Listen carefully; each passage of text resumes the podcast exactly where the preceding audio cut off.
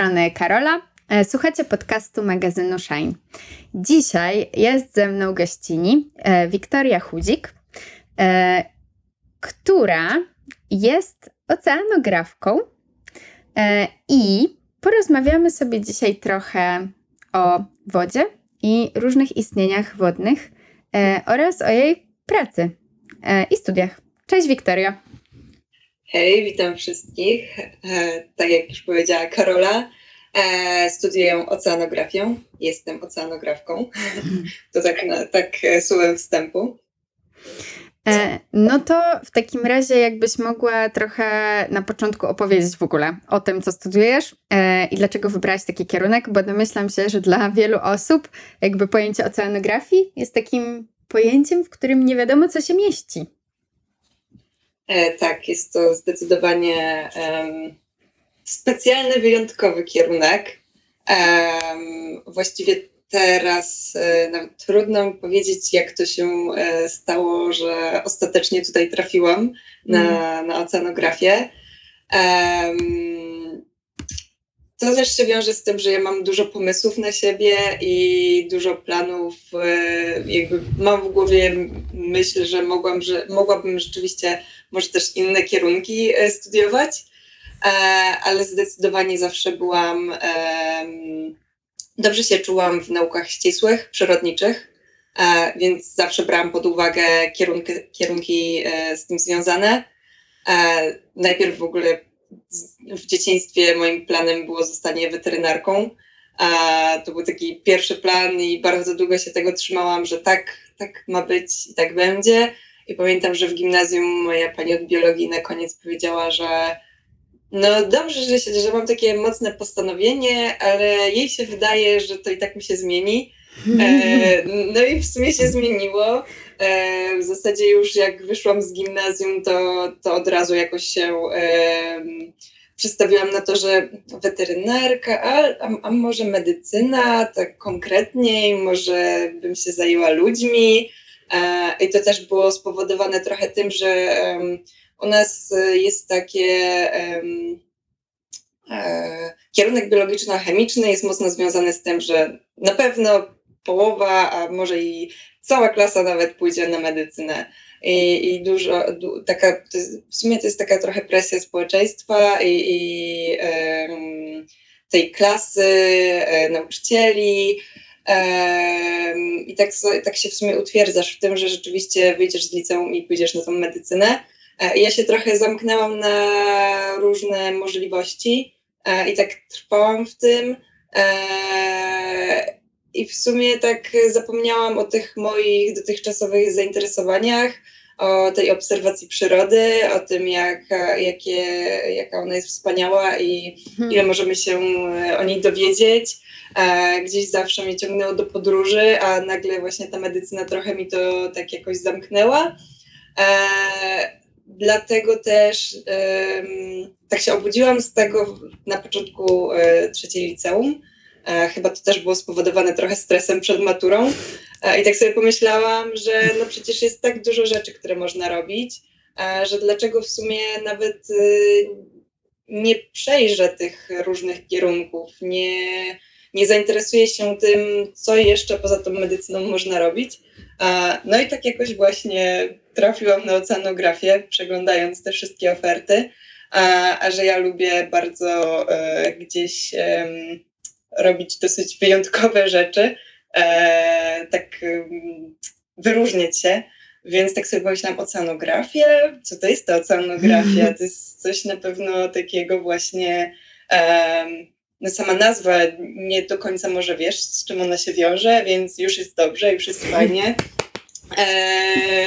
Więc e, trochę tym to było podyktowane, do tego jeszcze całe to moje wszystkie zainteresowania. E, no, i, no i tak wylądowałam na oceanografii. E, no to, to jest to jest bardzo ciekawa droga, dlatego że jest jednak pełna takiego, no wiesz, nie, że mm, jesteś w podstawówce i myślisz sobie, chcę być e, chirurżką i koniec kropka, i potem idziesz aż do tego momentu, tylko że gdzieś są takie, tak sobie meandrowałaś, ale jest to, dlatego powiedziałam, że jest to ciekawe, bo ja jak Cię poznałam, to totalnie od razu miałam takie poczucie, że to jest, że to jest mega Twoje, że jakby, że, jak, że możesz sobie tak chwilę ci zajęła ta decyzja i tak właśnie trochę to weterynaria, medycyna, ta oceanografia w końcu wjechała, ale że w ogóle jakby ja, ja miałam takie wrażenie, że, że nie masz wątpliwości jakby, że może one były zanim ją zaczęłaś, ale że ostatecznie wjechała i że to jest dokładnie to. Czy to tak jest, czy jednak może trochę się mylę? Tak, zdecydowanie. Eee, wydaje mi się, że może ten początek, ten pierwszy rok jeszcze był taki pełen wątpliwości, ale wydaje mi się, że to na każdych studiach tak jest, że no u nas przynajmniej było dużo po prostu ogółów, było jeszcze mało takich przedmiotów już pod naszą specjalizację późniejszą, więc y, to jeszcze był taki moment y, rozmyślań. E, ale z drugiej strony też było na tyle dużo ciekawych przedmiotów, na przykład geologia, gdzie a, zajmowaliśmy się różnego rodzaju minerałami, skałami i e, w taki dosyć empiryczny sposób to wszystko poznawaliśmy. E, to, już, to już mnie przekonało bardzo, bo ja jakby bardzo lubię takie rzeczy, to jest moje, a, to jest to poznawanie przyrody, tego jak ona funkcjonuje, a, więc e, tak, już później było tylko lepiej, coraz bardziej się w to wkręcałam, a, a teraz już wydaje mi się, że tak, już jestem cała, cała tym pochłonięta. E, do tego moja praca licencjacka e, z glonami, które już, już po prostu mi się śnią po mhm. nocach, jak ostatnio do seminarium się przygotowywałam, to całą noc miałam tylko w głowie ulwa i obudziłam się z tym. Właśnie, powiedziałaś o glonach i wcześniej też powiedziałaś o tym, że na pierwszym roku jeszcze nie było tej specjalizacji, potem zaczęłaś robić już to, czym się bardziej, bardziej interesujesz. I jakby ja wiem, że tutaj te glony i ta specjalizacja to jakby to jest właśnie to jedno, ale, ale ludzie, którzy nas słuchają tego nie wiedzą, więc e, mogłabyś opowiedzieć właśnie o tym, jaką specjalizację wybrałaś i co na niej robisz, bo to jest jeszcze jakby zawężenie tego tematu oceanograficznego. Tak. E, oceanografia jest e, tak naprawdę nauką interdyscyplinarną. E, mówiąc ogólnie, e, oceanografia zajmuje się badaniem przemian, zjawisk, wszystkim, co się dzieje i znajduje się w oceanach, e, ale właśnie dzieli się na różne specjalizacje. Można iść bardziej w chemię, można iść bardziej w fizykę, geologię, lub biologię i właśnie biologię e, ja wybrałam. E, czyli to, czym ja się zajmuję, to głównie um, to, co w tej wodzie jest, czyli wszelkie organizmy, e, ale też ich powiązania z, mm, ze środowiskiem, po, zależności pomiędzy nimi, to jak funkcjonują, ich fizjologia. Więc to jest ogół, e, że tak powiem, e, specjalizacji biologicznej, e, a jeszcze konkretniej w to wchodząc, to moimi zainteresowaniami są właśnie glony, czyli w zasadzie można powiedzieć botanika morska. Nie jestem pewna, czy mogłabym użyć takiego sformułowania, ale tak. I właśnie ta botanika morska, już pójdę Twoim nazewnictwem w takim razie. Bo... Nie, nie, później nie, nie, e, nie będzie skalował za to, że tak sobie wymyśliłam, ale e, Mo możemy też powiedzieć, Twoje glony e, zakładają pracę taką zarówno w laboratorium, w sensie teoretyczną, e, jak i pracę praktyczną w terenie. E, nazwijmy to. I e, co robisz tu, a co robisz tam? E, to może nie wiem, czy bym naz... nie wiem, czy bym nazwała pracą teoretyczną pracę w laboratorium. Okej. Okay. E, tak, to, to jest na pewno też praca praktyczna. A teorią bym nazwała w sumie to, co robimy na studiach, um, ucząc się, edukując. Wydaje okay. mi się, że to będzie teoria. E, to zdobywanie takiej podstawowej wiedzy. Jakieś wysłuchiwanie wykładów czy uczestnictwo w ćwiczeniach, chociaż to nie zawsze się wiąże tylko z teorią. To też jest w sumie ciekawa sprawa, bo ja zawsze uważałam, że teren to będzie moja działka. Mhm. A praca w terenie to będzie to, co. E, praca w terenie jakby mnie najbardziej w tym pociągała. A, możliwość pływania w rejsy, a, czy właśnie to, to, te, te wycieczki, wszystkie wyjścia, które wiązały się z poborem materiału. A, a w zasadzie teraz na pewno tak nie jest. Na pewno prace terenowe nie hmm. są e, na pierwszym miejscu. Na pewno ta praca w laboratorium e, daje mi większą satysfakcję. E, na pewno są to dwa aspekty, które są ze sobą powiązane i trudno je rozdzielić.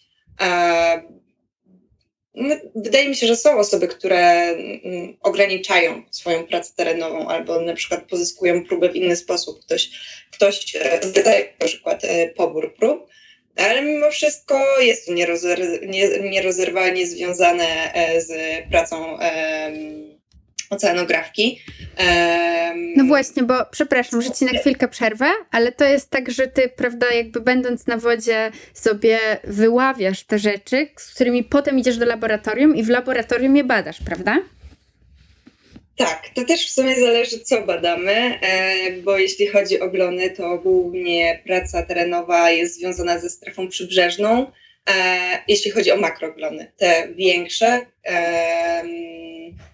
takie widoczne gołym okiem. Mhm.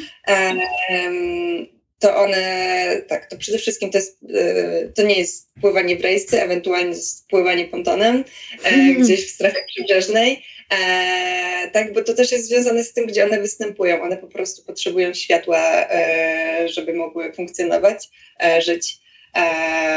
Więc tak, to, to jest e, taka wycieczka.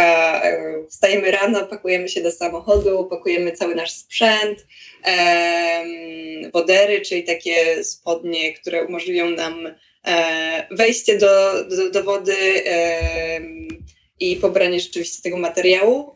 E, do tego, co zabieramy jakąś małą sondę, którą zmierzymy podstawowe parametry wody siatki, e, ale też e, jeśli jadą z nami osoby, które e, mogą nurkować, mają zrobione odpowiednie kursy, no to bierzemy cały e, sprzęt do nurkowania, do tego bierzemy daki, czyli takie narzędzia, które właśnie pozwolą nam z tych z dna pobrać odpowiednią ilość materiału.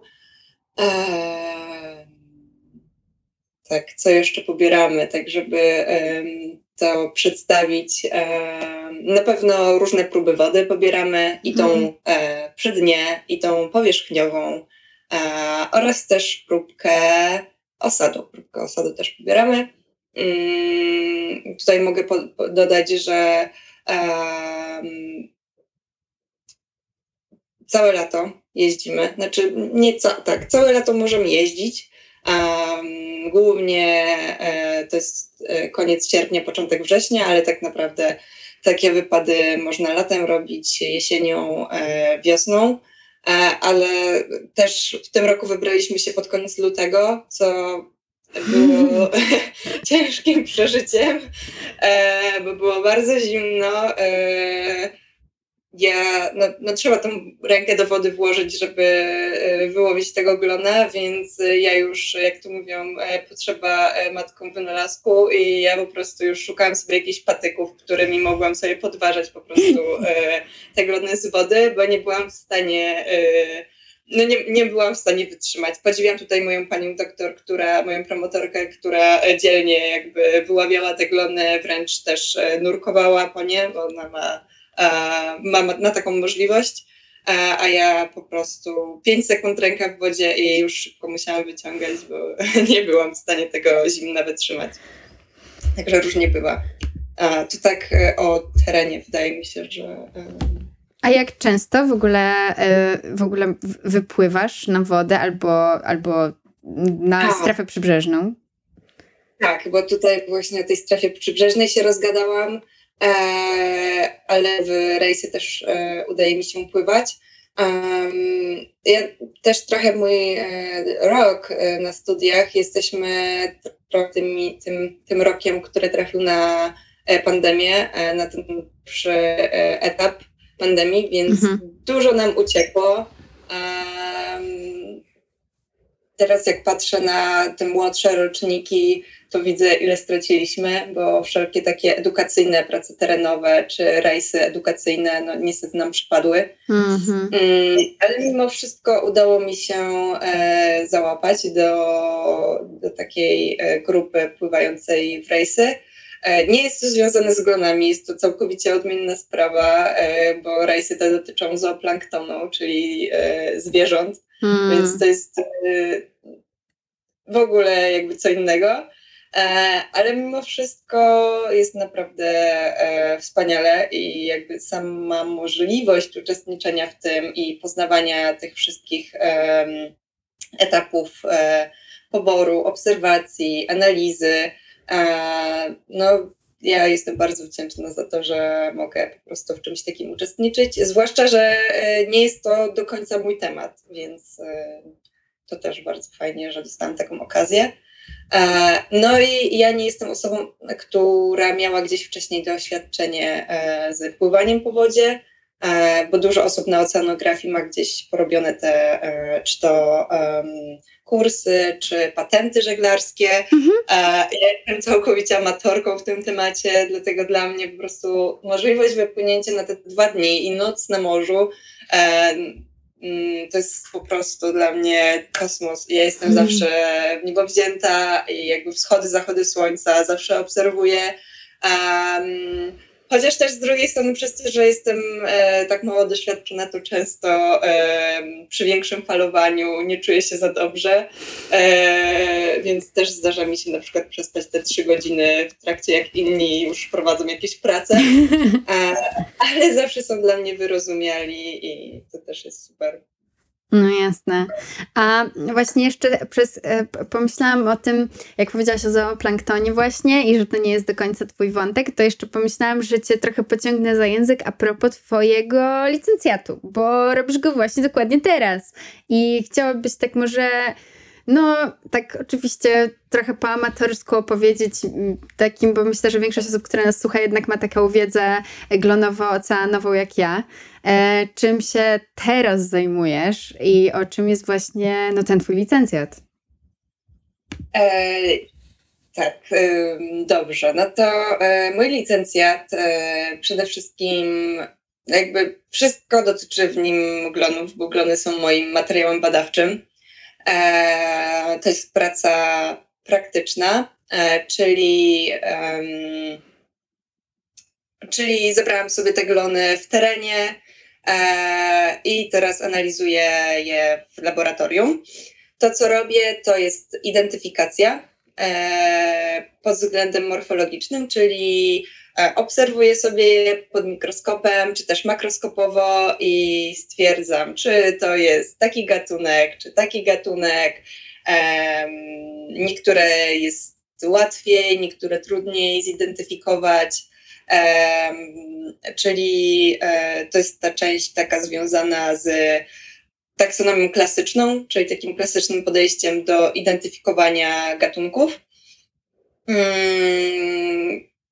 To, co teraz robię, to weszłam w ten drugi etap, e, czyli identyfikowanie tych gatunków pod względem genetycznym, e, czyli już wchodzimy w, głębiej w te glony, e, zajmujemy się im, ich materiałem genetycznym, a dokładnie mm, przy zastosowaniu metody, przy zastosowaniu barcodingu, czyli każdy mm, organizm ma swój taki kod, e, kod tak jak mamy kody do skanowania na przykład produktów spożywczych, to każdy organizm ma taki swój kod, taką swoją sekwencję e, w materiale genetycznym, który jest nazywany barkodem i e, jakby po przy ustaleniu odpowiedniego barkodu, bo to też nie może być przypadkowy kod, e, możemy e, też zidentyfikować e, gatunek. Także e, przy nałożeniu tych dwóch, e, to jest też taka trochę nauka dla mnie, e, może niekoniecznie porównanie tych dwóch technik, ale jak one ze sobą współgrają, co możemy zobaczyć tylko zewnętrznie, co możemy zobaczyć wewnętrznie, co jest łatwiejsze, co jest trudniejsze.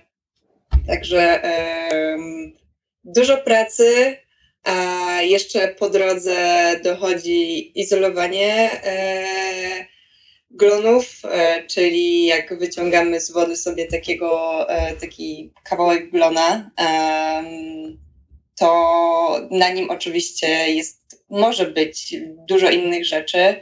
To też zależy od gatunku, ale niektóre glony są, porastają po prostu innymi glonami.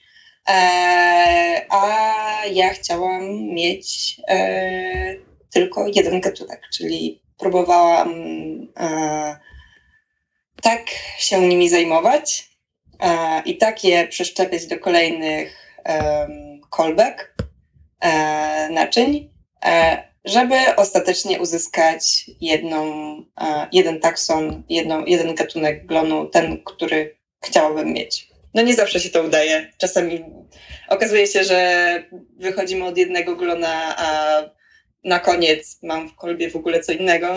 Mm, ale to też jest wynik. To też jest wynik. To teraz tak trochę, y, trochę odjeżdżając od glonów, myślałam sobie, jak, jak zanim, zanim się spotkałyśmy, e, zastanawiałam się, dla, jakby z czym mi się kojarzą oceany, jako takie jeden z pierwszych rzeczy, które przychodzą do głowy, jako jakiejś takiej osobie amatorskiej e, w kwestii w ogóle wody i, i nauce, nauki o wodzie i biologii wody i tak dalej. I tak wydaje mi się, że najwięcej jakiejś takiej narracji, która jest zbudowana dookoła oceanów teraz, to jest, to, to, no to jest ta opowieść o kryzysie klimatycznym, o katastrofie klimatycznej e, i o tym, że mnóstwo tych e, kawałków mikroplastików pada do tych oceanów, potem e, zwierzęta je zjadają, no i umierają, potem jak je tam rozetniemy, to w ogóle mnóstwo plastiku jest w środku i tak dalej. Oczywiście to jest takie moje gadanie zupełnie niespecjalistyczne, jakieś takie rzeczy gdzieś, wiesz, które po prostu gdzieś słyszymy w social mediach i w, w, no się, cały czas się to gdzieś przewija.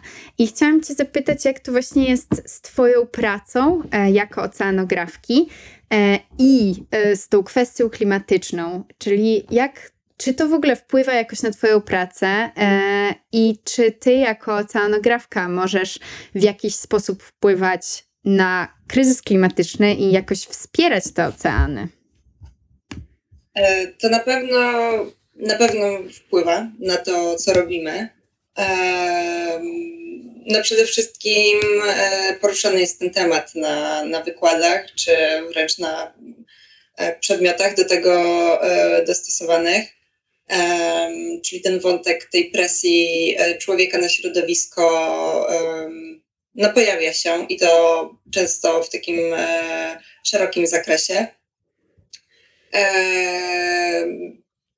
No, wiąże się to też z tym, że dużo badań e, jest prowadzonych pod tym kątem, więc może tutaj akurat mój temat pracy nie jest stricte z tym związany, E, ale są prace, które dotyczą tego konkretnie, czyli na przykład właśnie ten mikroplastik w wodzie, e, czy, mm, czy już mikroplastik w danym organizmie. Także to się na pewno pojawia. I też chyba trochę to jest odpowiedź na to, jak możemy na to wpływać jako studentki, studenci oceanografii. Czyli jeśli my się kształcimy w tym kierunku, e, edukujemy, e, to też zdobywamy tą wiedzę, którą możemy dalej przekazać. Też takie badania mogą pomóc w zrozumieniu, może jak to wszystko będzie się zmieniało. Może szybciej dostrzeżemy pewne konsekwencje takich działań to też trzeba zaznaczyć, że w zasadzie w tym kryzysie klimatycznym w przyrodzie jakby zmiany są naturalne i zmiany następują, tylko przez, to, przez tą naszą presję, e, presję człowieka na środowisko, te zmiany po prostu następują w zdecydowanie szybszym tempie e, i jakby to jest ten największy problem, e, ponieważ po prostu organizmy nie zdążą się, nie, nie wszystkie organizmy zdążą się do tych zmian przystosować, zaadaptować. I, i tak. E, tutaj jeszcze może co się wiąże z tym, e, trochę z, to, z tą działalnością oceanograficzną i, i, tymi zmianami, e, no to na pewno tutaj od w sumie zespołu oceanologów wyszła, wyszedł ten termin plastisfera, czyli ta nowa sfera w przyrodzie, to, co też jest w zasadzie co też wpływa na naszą pracę, bo jest to kolejny obiekt do badania, kolejna sfera do, do przebadania. E, I tam e, dlaczego ona została w ogóle wyodrębniona? Jest to na środku oceanu wielka wyspa śmieci na Pacyfiku, tak? E, I życie, które się pojawiło po prostu na tym plastiku jest na tyle odmienne, różni się tak od tego środowiska, w którym ta wyspa śmieci się znajduje, że właśnie aż została wyodrębniona, e, zostało oddzielone po prostu od tego środowiska, powstało coś nowego. E, I w sumie tam też znajdują się, znajdują się jakieś mikroglony, zdecydowanie dużo mikrobów, bakterii. Um, także jest kolejna rzecz do, do badania. Także pracy mamy na pewno dużo. Um, Wow, mega ciekawe. Nie, nie słyszałam w ogóle o tym, że jest coś takiego jak plastisfe plastisfera, tak? Plastisfera. Tak, tak jak biosfera na przykład, czy mhm. hydrosfera, no to teraz mamy plastisferę jeszcze dodatkowo. O kurde. Wow. Hmm, bardzo ciekawe. E, a słuchaj, no bo jest tak, że jakby właśnie wszyscy żyjemy w tym, w tym jakimś wspólnym ekosystemie, e, w którym człowiek gdzieś tam rości sobie prawo do pewnej e, dominacji. E, znaczy rości, no już sobie rościł przez lata i niestety w pewien sposób ją osiągnął. E, ale e, mimo tego e, cały czas jednak w tym ekosystemie działamy na tej, na tej zasadzie pewnej wymienności. Coś dajesz, coś bierzesz i, mm, i w tym wszystkim glony wydają się takim dosyć wątkiem enigmatycznym, dlatego że ja, ja na przykład jestem w stanie dosyć, wydaje mi się, intuicyjnie odpowiedzieć na przykład na pytanie, e, co tam sobie możemy wziąć od drzewa, jakby co to drzewo nam daje. Ale z glonem to już intuicja mnie tutaj totalnie zawodzi. E, I właśnie jaka jest ta relacja pomiędzy człowiekiem a glonem? Jakby czy, czy w ogóle my potrzebujemy glonów i czy glony jakoś, nie wiem, potrzebują nas? E, to na pewno. To, co, to, co dają nam glony? No na pewno połowa tego tlenu w atmosferze, czy ponad połowa, to różnie chyba, różnie dane, różne dane są podawane po prostu. Ale tak, szacuje się, że około połowa mm, tlenu pochodzi od glonów, od mikroglonów, czyli od akwenów wodnych po prostu. E, także to nie tylko e, lasy Amazonii są tymi płucami świata, ale także oceany, w tym mają równie duży udział. To jest chyba taka pierwsza dosyć istotna kwestia. Ale gdzie jeszcze możemy znaleźć glony? No na pewno jest to produkt spożywczy, który czasami zapominamy chyba nawet, że mm, jest tak powszechny bo wszelkie, no po prostu tak, e, jemy wodorosty, e, mhm. w sushi mamy glony, e, winogrono morskie, to wszystko, to wszystko to są glony. czyli jest bardzo chętnie wykorzystywany, wykorzystywany jako produkt spożywczy. No może u nas w naszej kulturze może nie jest to aż tak powszechne, ale wszelkie kraje, tam, kraje azjatyckie, no to, to jest bardzo popularne, popularne, popularny produkt. Do tego dochodzi wykorzystanie w farmacji, czyli może mm, farm, farmaceutyki, powiedziałabym suplementy, bo to też trzeba ostrożnie e, z takimi produktami, które mają w składzie glony.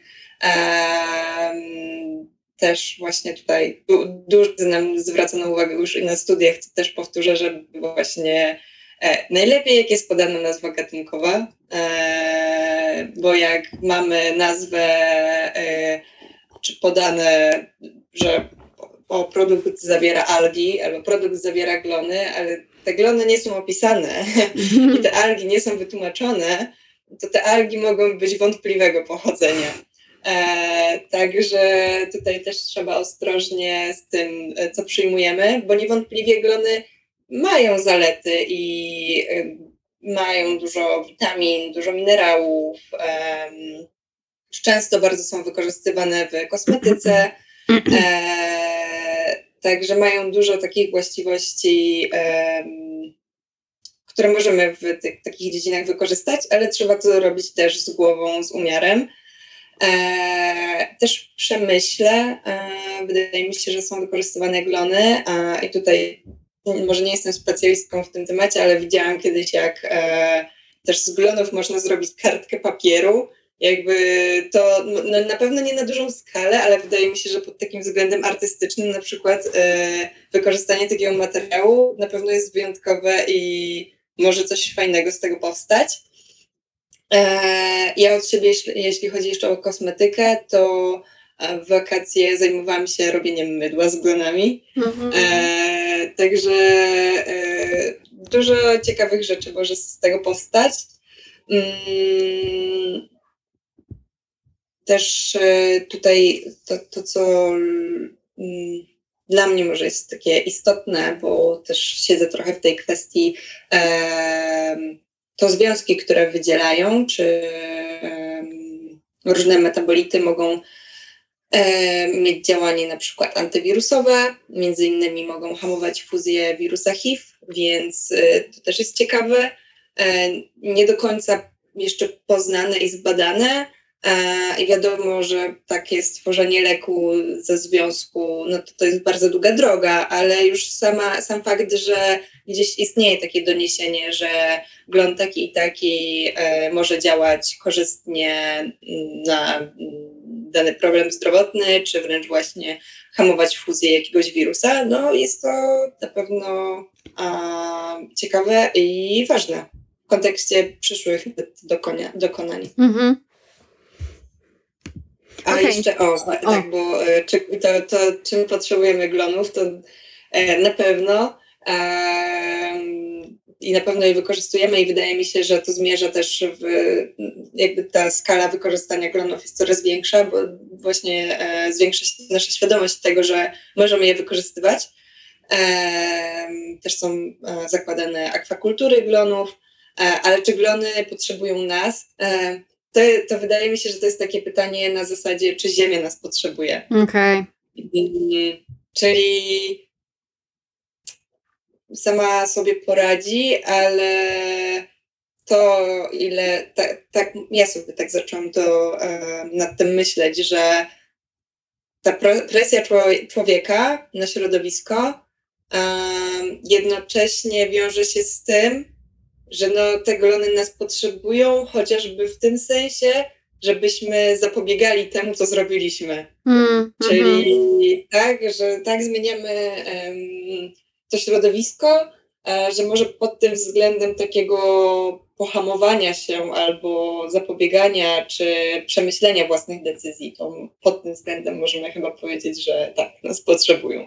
Okej, okay. czyli jakbyśmy tak, potrzebują tej naszej świadomości. Okej. Okay.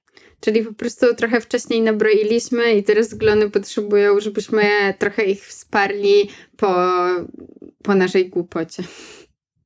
trochę tak. To wydaje mi się, że z całym środowiskiem ta, ta zależność tak wygląda. No tak. Bierzemy coś z środowiska, ale to też później musimy w jakiś sposób się zrehabilitować. Mhm. A y, użyłaś takiego słowa przed chwilą i chciałam Cię o nie zapytać, a teraz nie wiem jak ono brzmiało, ale to było coś takiego, co mi się skojarzyło z jakimiś jakby plantacjami glonów, że powstaje coś e, takiego. Akwakultura. O, właśnie. To co to jest? A, tak jak mamy e, hodowlę różnych organizmów, które później możemy sobie wykorzystać, e, pozyskać z nich żywność, na przykład mamy hodowlę ryb, hodowlę jakichś mięczaków morskich, wodnych, nie, nie muszą to być morskie chyba. Czyli to jest taka hodowla wybranych organizmów, e, z których my później jako ludzie będziemy czerpać e, jakieś korzyści. Czyli to jest taka forma gospodarki, można chyba powiedzieć. E, wykorzystanie w późniejszym czasie tych organizmów. To też w pewien sposób jest taki, taką, takim sposobem odejścia od pozyskiwania tych organizmów tylko i wyłącznie ze środowiska naturalnego. Czyli nie musimy wypływać w morze czy, czy iść w tą strefę przybrzeżną i, i to też nie zawsze jest dozwolone wybierać sobie, co chcemy, tylko możemy stworzyć swoją hodowlę, e, swój, swój basen, akwen, w którym e, będziemy produkować, hodować e, te organizmy, które, których pożądamy, które są dla nas cenne i później je wykorzystywać. Więc jest to jakiś zamiennik. Może też sposób na wyrządzenie mniejszej szkody środowisku. Mhm. No, kumam. Um, a co będziesz robić po studiach? Co będę robiła po studiach? E, na pewno chciałabym, e, na razie skupiam się głównie na, na pracy, tak żeby mm, ta moja praca dyplomowa mm, wyszła na, na tyle dobrze, ale też e, na tyle chciałabym, żeby była użyteczna żeby z nim mógł ktoś skorzystać i co za tym idzie też trochę to jest taki plan e, właśnie może na to, co będę potem licencjacie robiła, bo mm, może jeszcze nie do końca, nie do końca jestem tego pewna, ale e, mam już na tyle taką podstawę zbudowaną, że chciałabym zagłębić się w to, czyli w zasadzie po studiach licencjackich pójdę na studia magisterskie i e, zajmę się kontynuacją tego tematu. Um, ale w kontekście jeszcze takiej dalszej przyszłości, no to wydaje mi się, że chciałabym pracować w laboratorium. A to już jest takie. No, czuję się na tyle dobrze w tym laboratorium, zwłaszcza jak mogę coś samodzielnie zrobić, przygotować, czy, czy mam te swoje badania i jestem za nie odpowiedzialna. Właśnie nawet kiedy jestem za nie odpowiedzialna, więc ten ciężar odpowiedzialności czasami jest duży, bo. Yy, no każdy, kto niesie ze sobą jakąś odpowiedzialność za, co, za coś, to rozumie. A ten obowiązek takiego też samodyscypliny, że musisz sobie zdecydować, że musisz na przykład wstać na tą wczesną godzinę, albo musisz iść w dany dzień do tego laboratorium i coś zrobić, bo jak nie zrobisz tego dnia, to po prostu jesteś do tyłu o kilka kroków, y, zamiast być już gdzieś tam z przodu. Także to mnie w jakiś sposób fascynuje. Mm. Tu też wychodzi trochę moja e, ambicja. I tutaj już ostatnio ktoś mi powiedział, że właśnie między ambicją a szaleństwem jest taka cienka e, e, granica.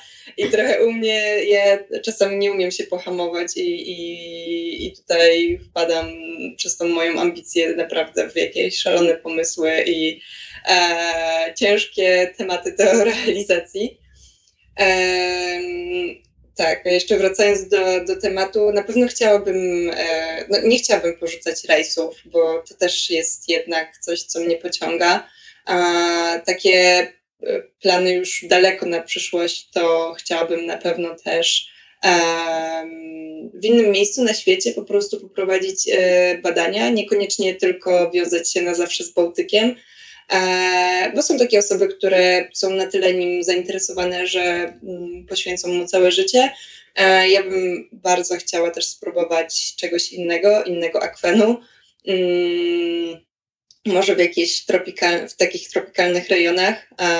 I tutaj totalnie bym też trochę odeszła od glonów, ale e, na pewno ssaki morskie, e, w mm. tym syreny, to jest mój jakby taki plan przyszłościowy bardzo. E, żeby gdzieś chociaż spróbować i zająć się w tym. Może tak sobie już e, zaczęłam ostatnio to roz, rozkminiać, że no w sumie manaty, diugoni, no są to roślinożerne organizmy, jedzą glony, to i tak się wiąże z glonami, więc może jakoś by mi się to udało zrobić. E, więc e, tak, to jest taki jakiś plan na, na przyszłość. Ale już wydaje mi się, że w tym momencie jestem na tyle z tym związana, że um, no nie wykluczam tego, że gdzieś kiedyś ta droga moja się jeszcze zmieni, bo jak widać e, już, już na początku była w różne strony mnie przewiwało, ale e, wydaje mi się, że już jestem tak wrośnięta w to, że będę wrastać po prostu jeszcze bardziej. E, musisz, e, musisz mnie teraz wyprowadzić z drobnego szoku, dlatego że powiedziałeś ssaki morskie, w tym syreny. I teraz mam rozkminę, tak. czy jakby, czy syreny to było, to było takie pół żartem, czy syreny to są syreny, które są nie tylko mitycznymi stworzeniami, czy w ogóle co? Tak, e, no ja jestem z tych osób, które wychowały się na H2O, więc syreny to jest wiadomo. To jest tylko dodatek do tego, że studiuję oceanografię, mm -hmm. ale syreny też, e, syreny to też są e, zwierzęta morskie. Syreny, e, czyli może tak, żeby nie wprowadzać trudnych nazw i też żeby nie, nie powiedzieć czegoś źle, syreny są grupą po prostu organizmów E, w hmm. których skład na przykład e, wchodzą manaty czy diugonie. E, I no, są na pewno jak każdy sobie wygoogluje, to zobaczy to i powie, o widziałem to w zoo albo widziałem to w jakimś akwarium. I a syreny, z tego co się dowiedziałam na ostatnim wykładzie, teraz mam właśnie taki przedmiot, ssaki morskie, mm, podstaw, podstawy ssaków morskich. I chociaż nie doszłam w internecie do źródła tego ani do jakiejś, e, do jakiejś literatury, ale podobno nazwa bierze się z tego, że sutki posiadają pachą e, samice e, i w momencie, kiedy karmią młode i mogą to robić na tyle w pozycji pionowej, wręcz czasami się wynurzać, także jakby ten całe ułożenie ich e, wygląda jak kobieta, kobieta karmiąca, e, taka pozycja kobiety karmiącej, a że mają ogony, e, jakby to, to od tego się wzięło, że syrena, wow. syrena, zwierzę morskie syrena. E, niestety nie, nie znalazłam takiej fotografii, zdjęcia, e, mimo że bardzo mnie to jakoś zafascynowało i, i chciałam e, znaleźć. E, ale wierzę, jakby widzę to w wyobraźni i jestem w stanie zrozumieć, że właśnie tak było, że przez to zostały nazwane syrenami. Wow, ale super. Mega świetna historia. Eee, może zrobisz kiedyś takie zdjęcia. Tak, bardzo bym chciała. Dlatego no. też te ssaki morskie, ten rozród i, i to macierzyństwo ich, to jest tam gdzieś tak, już mi się gdzieś zapala światełko, żeby w tym kierunku iść. Mm. No, rozumiem. Glony. Trzeba no. dokończyć glony. Tak, glony, a potem syreny. To jest, to jest dobry zestaw, fajny. A słuchaj, skoro już powiedziałaś właśnie o tych ssakach morskich, syrenach i ja powiedziałam, że może ty zrobisz takie zdjęcie, którego nie mogłaś sama znaleźć, to e, jakie masz jeszcze inne oceanograficzne marzenia? Um, jakie mam jeszcze oceanograficzne marzenia? Um, takim bardzo bym chciała, e, żeby to się wiąże też z moim feminizmem, żeby kobiety w nauce były bardziej doceniane. Jasne. E, I zwłaszcza przez to, że jestem po prostu w tej oceanografii, to bardzo bym chciała, żeby w tej naszej dziedzinie e, były mm, ukazywane, e, pokazywane też może właśnie takie postacie historyczne, żeby mogły gdzieś tam wybrzmieć, bo no wiadomo, mamy kilku panów, którzy naukach takich biologicznych cały czas się przewijają i chyba um, są związani z podręcznikami od biologii e, na zawsze, ale też są kobiety, które fajnie byłoby e, po prostu docenić i to jest takie moje to jest takie moje oceanograficzne marzenie. Wiktorio, bardzo, bardzo Ci dziękuję za rozmowę. E, ja się mega dużo dowiedziałam o glonach, e, jeszcze więcej niż jak wcześniej rozmawiałyśmy i myślę, że totalnie e, wszyscy pewnie, którzy nas słuchali, bo mało wiemy o glonach niestety. I e, tak, także dziękuję Ci bardzo. E, powodzenia z Twoją pracą dyplomową i e, no myślę, że tam jakoś do usłyszenia albo zobaczenia, bo pewnie się jakoś jeszcze przepleciemy gdzieś. Tak, bardzo dziękuję. Mam nadzieję, że nie zanudziłam, a tylko mówiłam ciekawie. Także pa, pa. Pa! Ten odcinek podcastu klimatycznego powstał we współpracy z Climate for Change i Kupuj Odpowiedzialnie w ramach programu Klimat na Zmiany